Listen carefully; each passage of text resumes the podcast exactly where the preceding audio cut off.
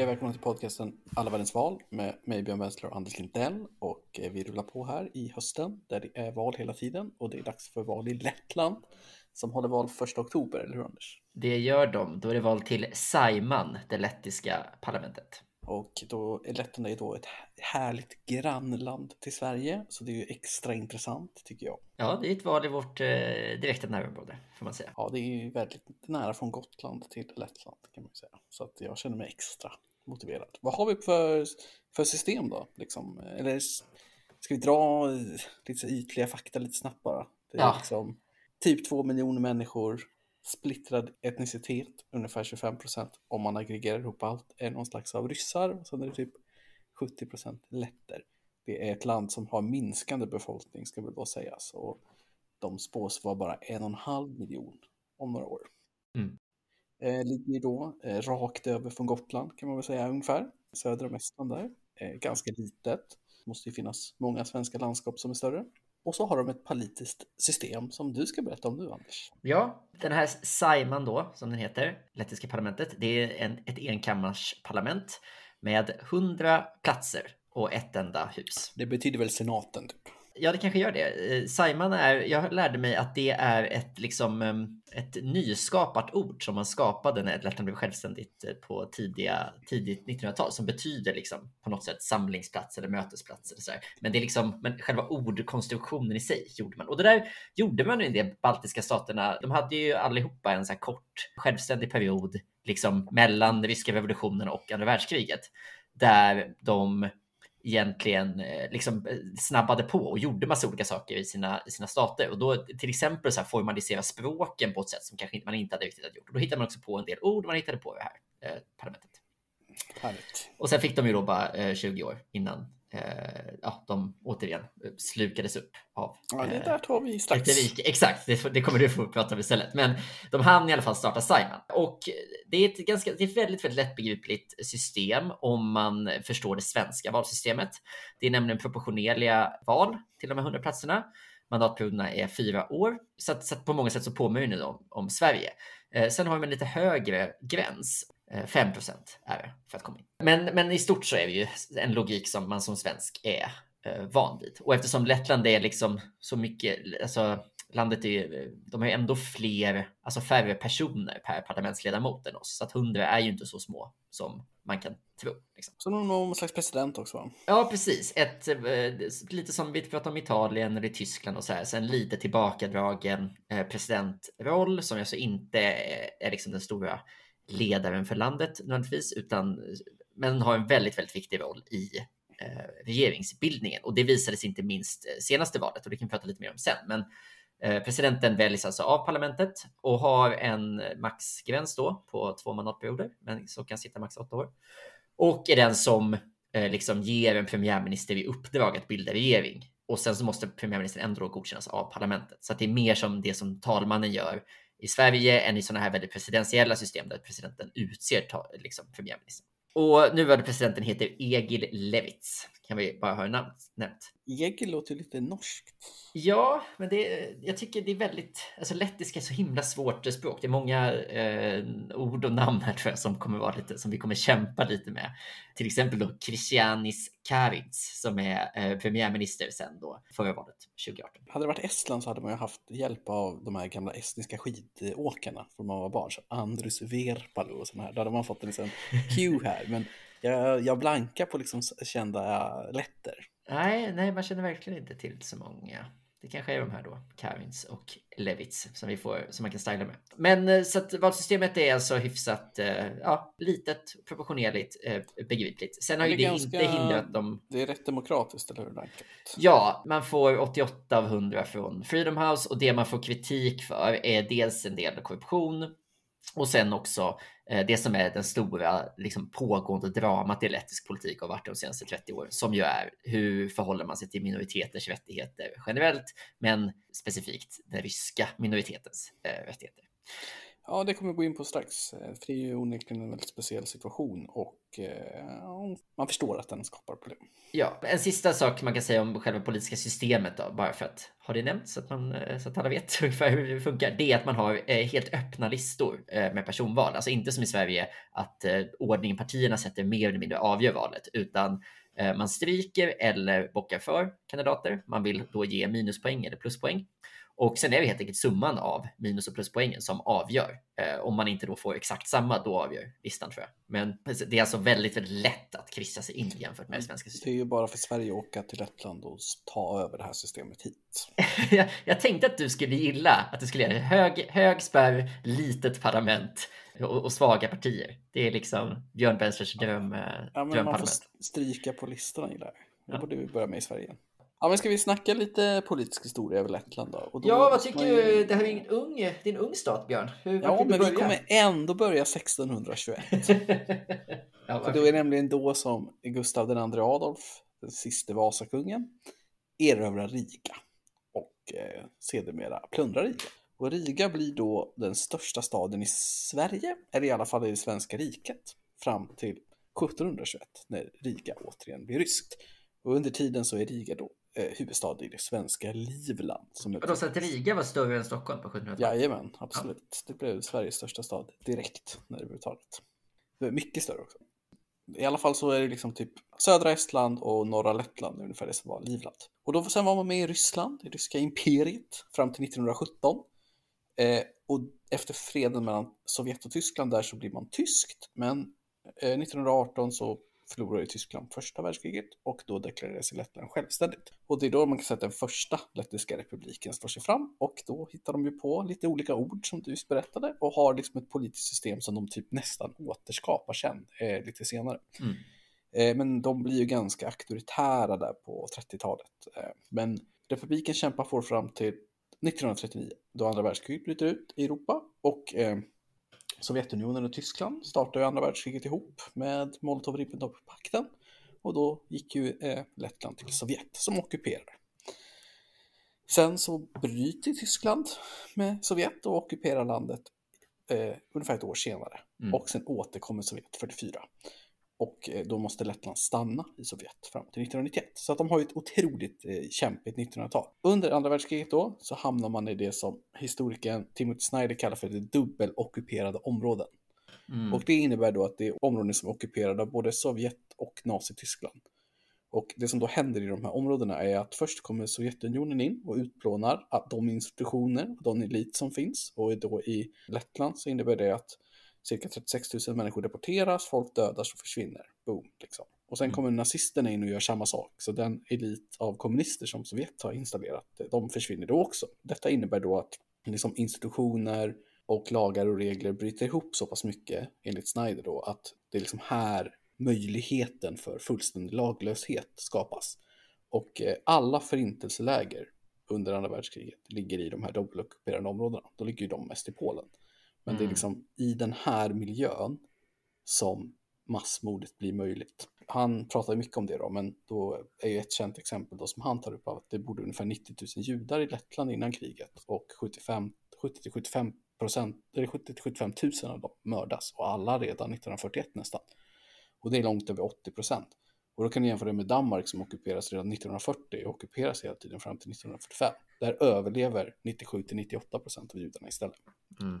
Och det är ju då enligt Snyder väldigt beroende på dels, okej, eh, det tyska Ja. kriget i öst var mer ideologiskt, men det är också att liksom den här zonen i de dubbelockuperade områdena, det är där saker händer. Samhällets liksom, skyddsnät är redan raserat. Ja, det finns liksom ingenting. Liksom. I alla fall så är ju andra världskriget, alltså det är ju hemskt i Lettland och det lever ju fortfarande i minnet och har ju fortfarande konsekvenser som vi kommer att ta upp strax. Men det är typ 200 000 som dör eller försvinner och det är väldigt många som flyr till eh, Sverige. Sen krigar ju letterna också till stor andel på tyskarnas sida för att de föredrog ju tyskarna framför Sovjet. Många. 200 000 är ju en vansinnigt stor del av lettiska befolkningen på den. Ja, ja, det är en stor procentsiffra. De var väl typ, ja det är en väldigt stor del. Men då skapas nästa svensk koppling, den så kallade baltutlämningen då. Och det är ju en känt kapitel i svensk politisk historia. Mm. Men där handlar det helt enkelt om eh, människor som har flytt till Sverige, som har krigat på axelmakternas sida. Eh, de flesta av dem i alla fall. Och som den sen då den svenska regeringen utlämnar till Sovjetunionen. Mm. Och det här var väldigt, väldigt kontroversiellt då, har blivit kontroversiellt efteråt och många av de här människorna har ju då hungerstrejkat eller skadat sig själva eller försökt ta livet av sig själva för att slippa utlämnas till Sovjetunionen. Där många gick ett väldigt tungt eh, öde till mötes. Och det här är ju kontroversiellt liksom, för att det fanns ju ingenting som tvingade fram det riktigt. Men man är så rattad av Sovjet då framåt och det vet ju nästan alla för det har jag sagt. Och då blir ju en väldigt stor Rysslandsifiering av landet. Och det kommer vi komma in på strax för att det är väldigt centralt nu. Men liksom, eh, människor har ju flytt och då flyttade in ryskspråkiga istället. Och på 60-talets mitt ungefär så är det nästan lika mycket ryssar som letter som bor i landet. Sen ska vi inte gå igenom det enorma politiska kaos som är Sovjetunionens upplösning, utan vi kan bara konstatera att de baltiska länderna driver på för självständighet, går först i kön där och blir självständiga från 91-92.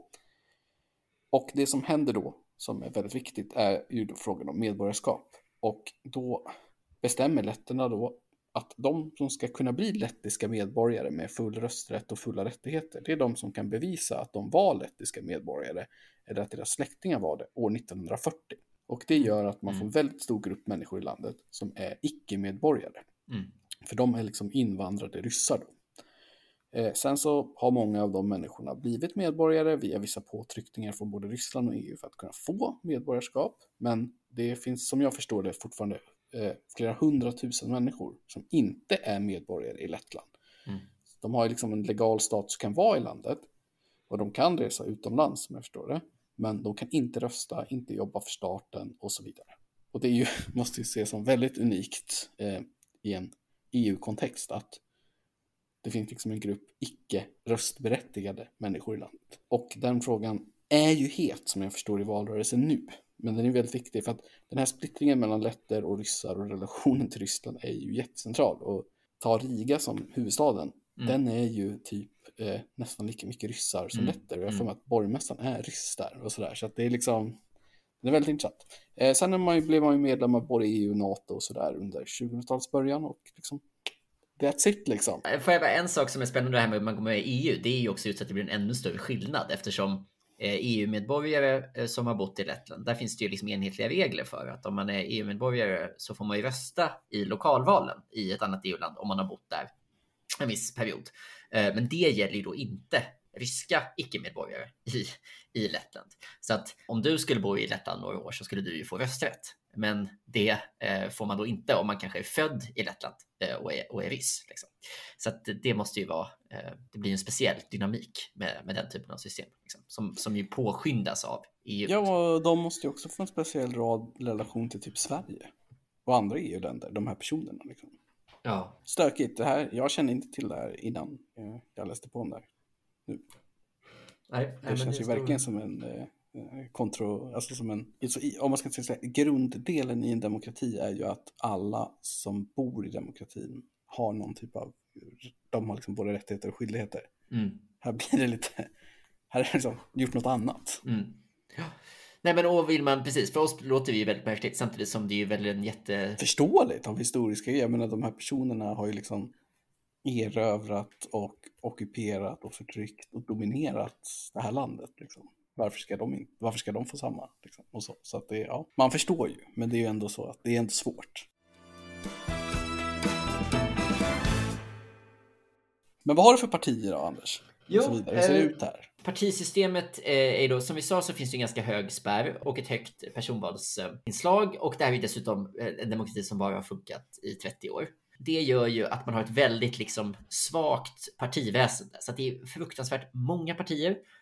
Och de eh, har också liksom, det är inget som riktigt dominerar, utan man har generellt är, är de liksom väldigt, väldigt jämnstora.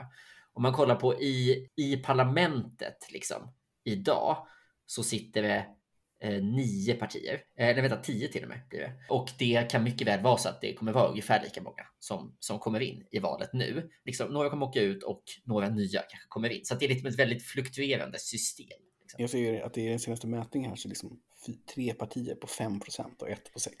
Ja, precis. Och sen ligger Precis. väldigt många kring så här eh, 7, 8, 9 typ. Så det kan ju bli mycket spärrfokus. Verkligen. Verkligen. Och samtidigt så blir det inte en spärrdebatt som vi haft i, i Sverige där liksom spärren kunde avgöra valet. Liksom, I Sverige pratar man om att ja, Liberalerna eller Miljöpartiet liksom hade kunnat åka ut och därmed avgöra valet. Lettland har inte den typen av blockpolitik. Och det kanske för oss inte på att börja prata lite om de enskilda partierna. Jag kommer inte nämna alla, men jag tänker att det kan vara lite intressant att förstå ungefär så här, axlarna som finns. Och precis i alla, som i alla länder så är det ju, det finns såklart en höger-vänster dimension. Sen finns det liksom inget vänsterparti, alltså det finns inget parti som är liksom med i vänstergruppen i, i EU eller som liksom kallar sig Vänsterpartiet eller Socialistiska partiet eller något sånt där. Eh, och det, så är det ju hela Baltikum, att det är väldigt svårt. Liksom. Det har väl också, det är ju också av historiska skäl väldigt, väldigt svårt att bedriva den typen av politik. Liksom. Men det går såklart att prata om partier som har mer vänsterekonomiska åsikter, men det är inte den avgörande eh, skillnaden. Liksom. Utan jag skulle snarare säga att det finns tre liksom, axlar som spelar roll här. Får jag gissa? Ja, det en måste ju vara etnicitet. Ja, precis. Jag skulle säga att det är så här att den ena axeln är liksom etnicitet, helt enkelt synen på liksom lettiskhet mot ryskhet, synen på just medborgarskapsfrågan och på språkfrågan. Det är en jätteviktig axel. Och den andra axeln är någon slags allmänt liksom konservativt mot progressivt, ska man säga. Och då kan man säga att den ryska frågan avgör mycket mer. Så att generellt är ju de eh, ryskvänliga partierna ganska konservativa i andra frågor. Och det är också de andra stora partierna hit, generellt har varit konservativa partier i Lettland. Eh, men man har absolut inte samarbetat mellan de här två stora grupperna. Så att det största partiet i parlamentet förra valet, 2018, det är ett parti som heter eh, Saskana, vilket betyder typ harmoni. Eh, men det är också, dess fullständiga namn är liksom typ det socialdemokratiska partiet. Och det är liksom historiskt det största partiet i hela landet. Eh, har, har styrt Riga jättemycket och har ett då historiskt jättestarkt stöd i just den ryskspråkiga minoriteten. De har dessutom drabbats väldigt hårt nu på senare tid av att man har haft liksom någon slags samarbetsavtal med enade Ryssland, alltså Vladimir Putins parti det som lite hänt med dem under mandatperioden är att de har gjort liksom kanske det största tappet av alla partier. De var som sagt störst, 18, visserligen bara med 19 procent så att de inte är ett enormt parti. Men och de har liksom ungefär halverats och tappat väljare till två nya partier. Ett som heter typ Ryska förbundet och ligger omkring 5% och ett som heter Stabilitate och som ligger, som ligger omkring 6 och kanske troligare kommer komma in. Eh, skillnaden med de här två partierna tycker jag verkar vara att Ryska förbundet är mer upp, liksom öppet ett intresseparti för ryssar, medan de här Stabilitate har lite mer en så eh, enighets Eh, de pratar mer om enighet och det är dags att lägga saker bakom oss och så, men policyförslagen de föreslår är de samma. Alltså eh, rösträtt för eh, de etniska ryssarna och sådär. Intressant ändå att inte Putin lyckas få en, eftersom han gärna lägger i andra länders politik, inte lyckas ha en samlad rysk politisk rörelse. Liksom. Nej, och min bild är, är lite så här, när jag, av det lilla jag har kunnat liksom förstå är att det som har hänt med det här Saskana-partiet eller Harmonipartiet, eh, det är att de liksom har blivit, de har hamnat i ett litet mellanläge, att de liksom har försökt tvätta bort sitt ryska, eh, sin ryska koppling lite grann och då blir de ju liksom för ryska för letterna fortfarande, men kanske inte tillräckligt tydliga för den övriga ryska minoriteten. Det har inte hjälpt dem heller att uh, Rysslands att det pågår... Ukraina.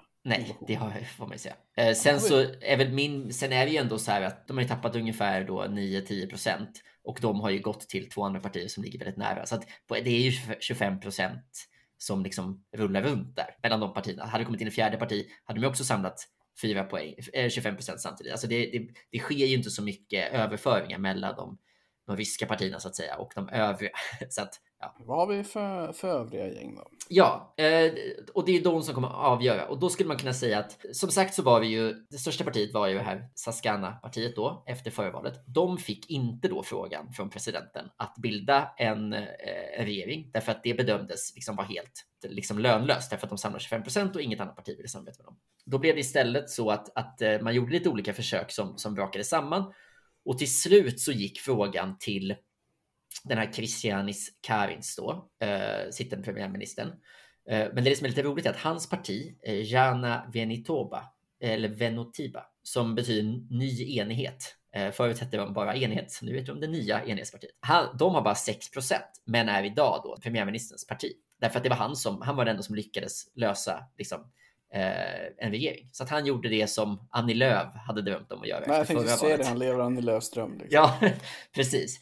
Eh, och, och, man kan säga, om man ska beskriva dem då, Venetova, det är liksom, de är liksom uttryckligen ett parti som vill samarbeta och som liksom inte är extremt och som ska liksom stå i mitten. De är liksom ett superutpräglat, den, det breda mitten helt enkelt. Så det här, det här är liksom Annie Lööfs eh, drömparti på ett sätt i eh, Lettland. Så det är ett brett allmänborgerligt parti kan man säga. JV, Jauna Venotiva. Och de är eh, störst i opinionen idag, så att man har verkligen belönats för det här också. Så att man kan säga att man har bytt plats med eh, Saskana-partiet, att man har gått från 6% till hela 19 då.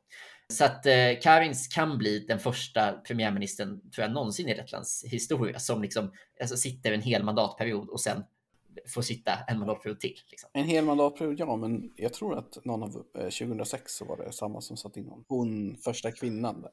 Mm, men de har inte suttit, det var ytterligare någon som har suttit över, men de, inte som har suttit en hel period Nej, och sen, ja. Ja, men imponerande i alla fall. Ja. Det, det, det är ju coolt. Eh, men, vad, har du, vad har du liksom mer på den sidan då? Jo, Vilka men på den sidan, precis. Nu så bildar de då regering med ett gäng konservativa partier primärt och sen så eh, ett eh, liberalt parti. Men så, så, som jag beskrev det lite så kan man ju säga att de, de två, liksom, eh, block två och tre här är liksom det ryska blocket och sen är det konservativa och sen är det typ det progressiva eller lite, lite liberala. Så att de andra partierna som sitter i, i regeringen är då ett parti som heter The National Alliance eller Nationella Alliansen som är liksom ett högerpopulistiskt parti eller liksom nationalistiskt parti. Eh, ett parti som heter eh, Konservativa partiet eller eh, som förut hette Nya konservativa partiet, som nu har bytt namn till bara Gamla konservativa partiet. Det är lite roligt, för det känner vi igen i Sverige. en sån grej. Mm. Och sen så har man ett parti som eh, en allians av två liberala partier. Så att man heter liksom som båda partierna. Eh, Attistibai Par. Alltså ena heter Attistibai och andra heter Par. Och um, när jag lyssnade på eh, Eh, Latvia Weekly som är en engelskspråkig nyhetspodd om eh, Lettland så de hade en valgenomgång eh, där man beskrev det här som liksom ett socialliberalt och ett mer högerliberalt parti som ändå har en allians. De samarbetar långt ifrån i alla eh, städer eller så, men de samarbetar på nationell nivå. Så det känns som också någon, som någon slags, för att göra ännu en Centerpartiet-koppling, ehm, så känns det lite som en COL-allians, liksom, där de har lite olika eh, liberal take på det. De sitter också då i regeringen. Sen finns det då några konservativa partier eh, liksom, som inte får med i regeringen, trots att det är då en konservativ premiärminister. Eh, och ett av dem är, och det här kommer förvåna många, är det gröna partiet. Eh, alliansen mellan gröna och bönder. Och det här, Björn, är det äldsta partiet i Lettland. De hade liksom den första eh, premiärministern på, på liksom 10 och 20-talet. Så jag gillar deras namn. Ja, och, ehm, och är liksom eh, är ett, ett, ett grönt parti och ett, liksom ett bondeförbund i i allians då. Men också sen, de är liksom Annie Lööfs parti också. Så. Ja, precis. Det Annie Lööf återkommer en tredje gång i den här, i den här genomgången. Eh, och det som, men den som liksom har lite koll på gröna partier i Europa skulle kanske inte känna igen sig så mycket. För att det gröna halvan då av det här partiet, eller det är lite mindre än en halva som utgör, men av den här alliansen. De har blev uteslutna ur Europeiska gröna partiet eh, häromåret för att de liksom inte delar liksom de generella värderingarna kring så här, mänskliga rättigheter, hbtq-frågor, och sådär. Det är liksom ett, ett väldigt konservativt parti värderingsmässigt, men som är grönt i då, eh, klimatfrågor och kanske framförallt lokala miljöfrågor så som funkar bra med, eh, med bönderna. Då. Och sen har vi ett sista, va? Lettland först eller? Ja, precis. Och sen finns det också ett, eh, eh, ytterligare ett parti som inte är med, men det är för att de inte har kommit in än, som heter eh, precis Latvia Pirmaja Veta, som då är ett nystartat högerpopulistiskt parti från Einar Caesars heter han. Och det är väldigt kul att nämna därför att här har vi också eh, en, alltså någon typ av Trump-figur. En så superrik, han blev rik på eh, norska shoppingcenter på 90-talet som han höll på att starta där. Eh, och han har startat eh, Han har startat ett parti nu som framför allt går framåt på vaccinfrågan och vaccinmotståndet. Eh, och det här verkar vara en fråga som ganska många partier på något sätt eh, har varit upprörda på. Alltså att, eh, kravet på vaccin och kravet på vaccinpass och sånt där. Eh, men de ligger precis under spärren så vi får se om det. Men det kan bara vara bra att säga att det finns alltså två, tre partier till höger om nuvarande regering så att den är liksom på något sätt ett mittenalternativ. Och sen finns det ju två stora partier till vänster eller till på någon slags progressiv sida av regeringen då. Eh, dels kanske lite då det här eh, att det Dibai Par-partiet, det stora liberala partiet som ligger omkring 7% nu. Men sen finns det ett parti som heter det progressiva partiet och som har eh, ökat supermycket under den här mandatperioden från eh, 2 till 8 och det är liksom det enda partiet som driver som nämner sig hbtq-frågor i sitt valmanifest. Liksom, de driver skattesänkningar för låginkomsttagare. De skriver om miljöfrågor. Alltså de, de har en, vad ska man säga, en ganska förväntad europeisk progressiv man brukar prata lite om det här galtan. Liksom. Ja, det är ett gall, det är gallpartiet. Här har vi den lilla gallgruppen i lettisk politik. Ja, exakt. 8 procent i det progressiva partiet. Eh, och sen finns det ett, ett till grönt parti. Eh, och det här är kanske lite mer ett så grönt parti av europeiskt snitt. Och de går till val i en luddig och bred valallians mellan då eh, det gröna partiet, Liepaja-partiet. Liepaja är ju en av de största städerna i Lettland och eh, sen en federation av regionala partier. Så det är liksom en federation av regionala partier, ett jättestort regionalt parti och ett nytt grönt parti. De är också omkring åtta. Så att om man ska liksom sammanfatta ungefär storlekarna så att man fattar liksom ungefär, liksom bara för att summera, så kan man säga att det är typ någonstans kring eh, 25 procent som är i den här eh, ryska delen eller ryskvänliga delen det är typ 25 i någon typ av socialliberal, progressivt, eventuellt lite grön spelplan och sen är det typ resten eh, på en eh, varierande flora av eh, konservativa krafter som då antingen är de liksom klassiska borgerliga konservativa partier eller så är vi nystartade, liksom antingen invandringskritiska eller värdekonservativa eller då typ vaccinskeptiska populistpartier. Så där har du det. Ja, vilka, vilka gäng har då debatten gått, Anders? Ja, det har varit lite... Får jag gissa lite? Energifrågor, ryska minoriteten, ryska relationen och så vidare. Ja, väldigt många pratar ju om dem, om relationen till den ryska minoriteten. Eh, och där handlar det ju dels om rösträtten som är en fråga för de här tre, tre partierna i det, i det blocket. Man ska säga. Men det handlar också om eh, undervisning. Där finns partier av de här mer nationalistiska partierna då, som som ju driver att man liksom inte ska, vill se till att det inte går några pengar till exempel till eh, undervisning av eh, liksom, ryska barns modersmål då, eller ryskspråkiga barns modersmål. Eh, en annan stor fråga som jag har varit väldigt uppmärksammad är ju det här med att man har tagit ner eh, monument, alltså gamla eh, sovjetiska eh, Eh, monument. Och där det blev en, eh, man gjorde ett nyligen i slutet på augusti så var det ett så stort och väldigt berömt monument i Riga som plockades ner som handlade om just liksom eh, vad ska man säga, Sovjetunionens eh, befrielse då av Lettland från nazismen. Det har ju varit en fråga även innan, men nu på grund av kriget så liksom bestämde parlamentet att man behövde ta ner alla, att man skulle ta ner alla sådana monument. Eh, och det möts ju också av protester av den ryskspråkiga gruppen. Eh, så att det finns ett sådant kluster. Och sen såklart eh, är ju energifrågan som ju också skär på samma sätt i partierna. Att eh, det finns ju också liksom en alltså nu när energipriserna generellt är så höga så blir det ju en EU, ett EU-motstånd från några av de här ryska grupperna som kanske snarare tycker att att vända sig mer mot Ryssland hade varit ett sätt att få ner elpriserna till exempel. Flera partier driver tak, liksom ett pristak på el och så, precis som det har varit i den svenska, svenska valrörelsen. Men har de inte varit väldigt så här, den lettiska regeringen och den lettiska opinionen i stort är väl väldigt anti-rysk? Ja, verkligen, verkligen skickat jättemycket pengar och militär till Ukraina, givit sin egen BNP och så vidare. Ja, men eh, så är det. Men sen så då uppenbart, man ska säga vad det jag blev förvånad över när jag läst eh, sammanfattningar av deras valplattformar, är två andra frågor. Och det ena är liksom så här kulturkrigsfrågor, alltså frågor om så här kärnfamiljen, fråga om det är ett parti som liksom eh, har gått till val, liksom skrivit jättemycket om liksom att man rörde över att ordet mamma och pappa byts ut mot ordet förälder i offentlig kommunikation och sånt där. Förstår du? Den typen av, den typen av viktiga frågor. Viktiga frågor liksom. ja, den typen av viktiga frågor om kärnfamilj och så har varit viktiga. Eh, det, det är partiet som heter liksom eh, Nationella alliansen. De, de driver också så frågor om, så här, alltså att de vill prata om det kristna arvet och så. Så att det finns verkligen ett uppsving för den typen av ska man säga, socialkonservativa värderingsfrågor. Och det finns som sagt också en uppsving för den här lite nya populistfrågan om då vaccinbevis, där jag, där jag såg liksom flera som har, som har skrivit om att man är väldigt märkt av coronapandemin helt enkelt. Och PAR-partiet då, ett av de här socialliberala partierna som är med i regeringen idag, har haft utbildningsminister eller hälsoministerposten. Och det är liksom det som man beskriver som förklaringen till liksom hela deras ras som ju är från liksom 12 till 7 procent. Så det är ett ganska stort ras som de har varit med om. Ja, ska vi, opinionsläget drog du lite mycket om partierna, men det är ju ganska tydlig opinionstrend ändå. Att mm. Eh, det är liksom premiärministerns JV-parti, Mm. eh, New Unity Ja, på engelska, har liksom gått som en raket och kommer bli största parti om inget händer. Ja. Och eh, det är liksom eh, stora riskpartiet har ju tappat jätte- jättemycket. Mm. Och sen är väl liksom, det är väl egentligen allt annat är ungefär som innan. Ja, och sen så skulle jag säga att de senaste eh, veckorna bara så har den här breda alliansen med Liepaja-partiet och de gröna och de regionala som går.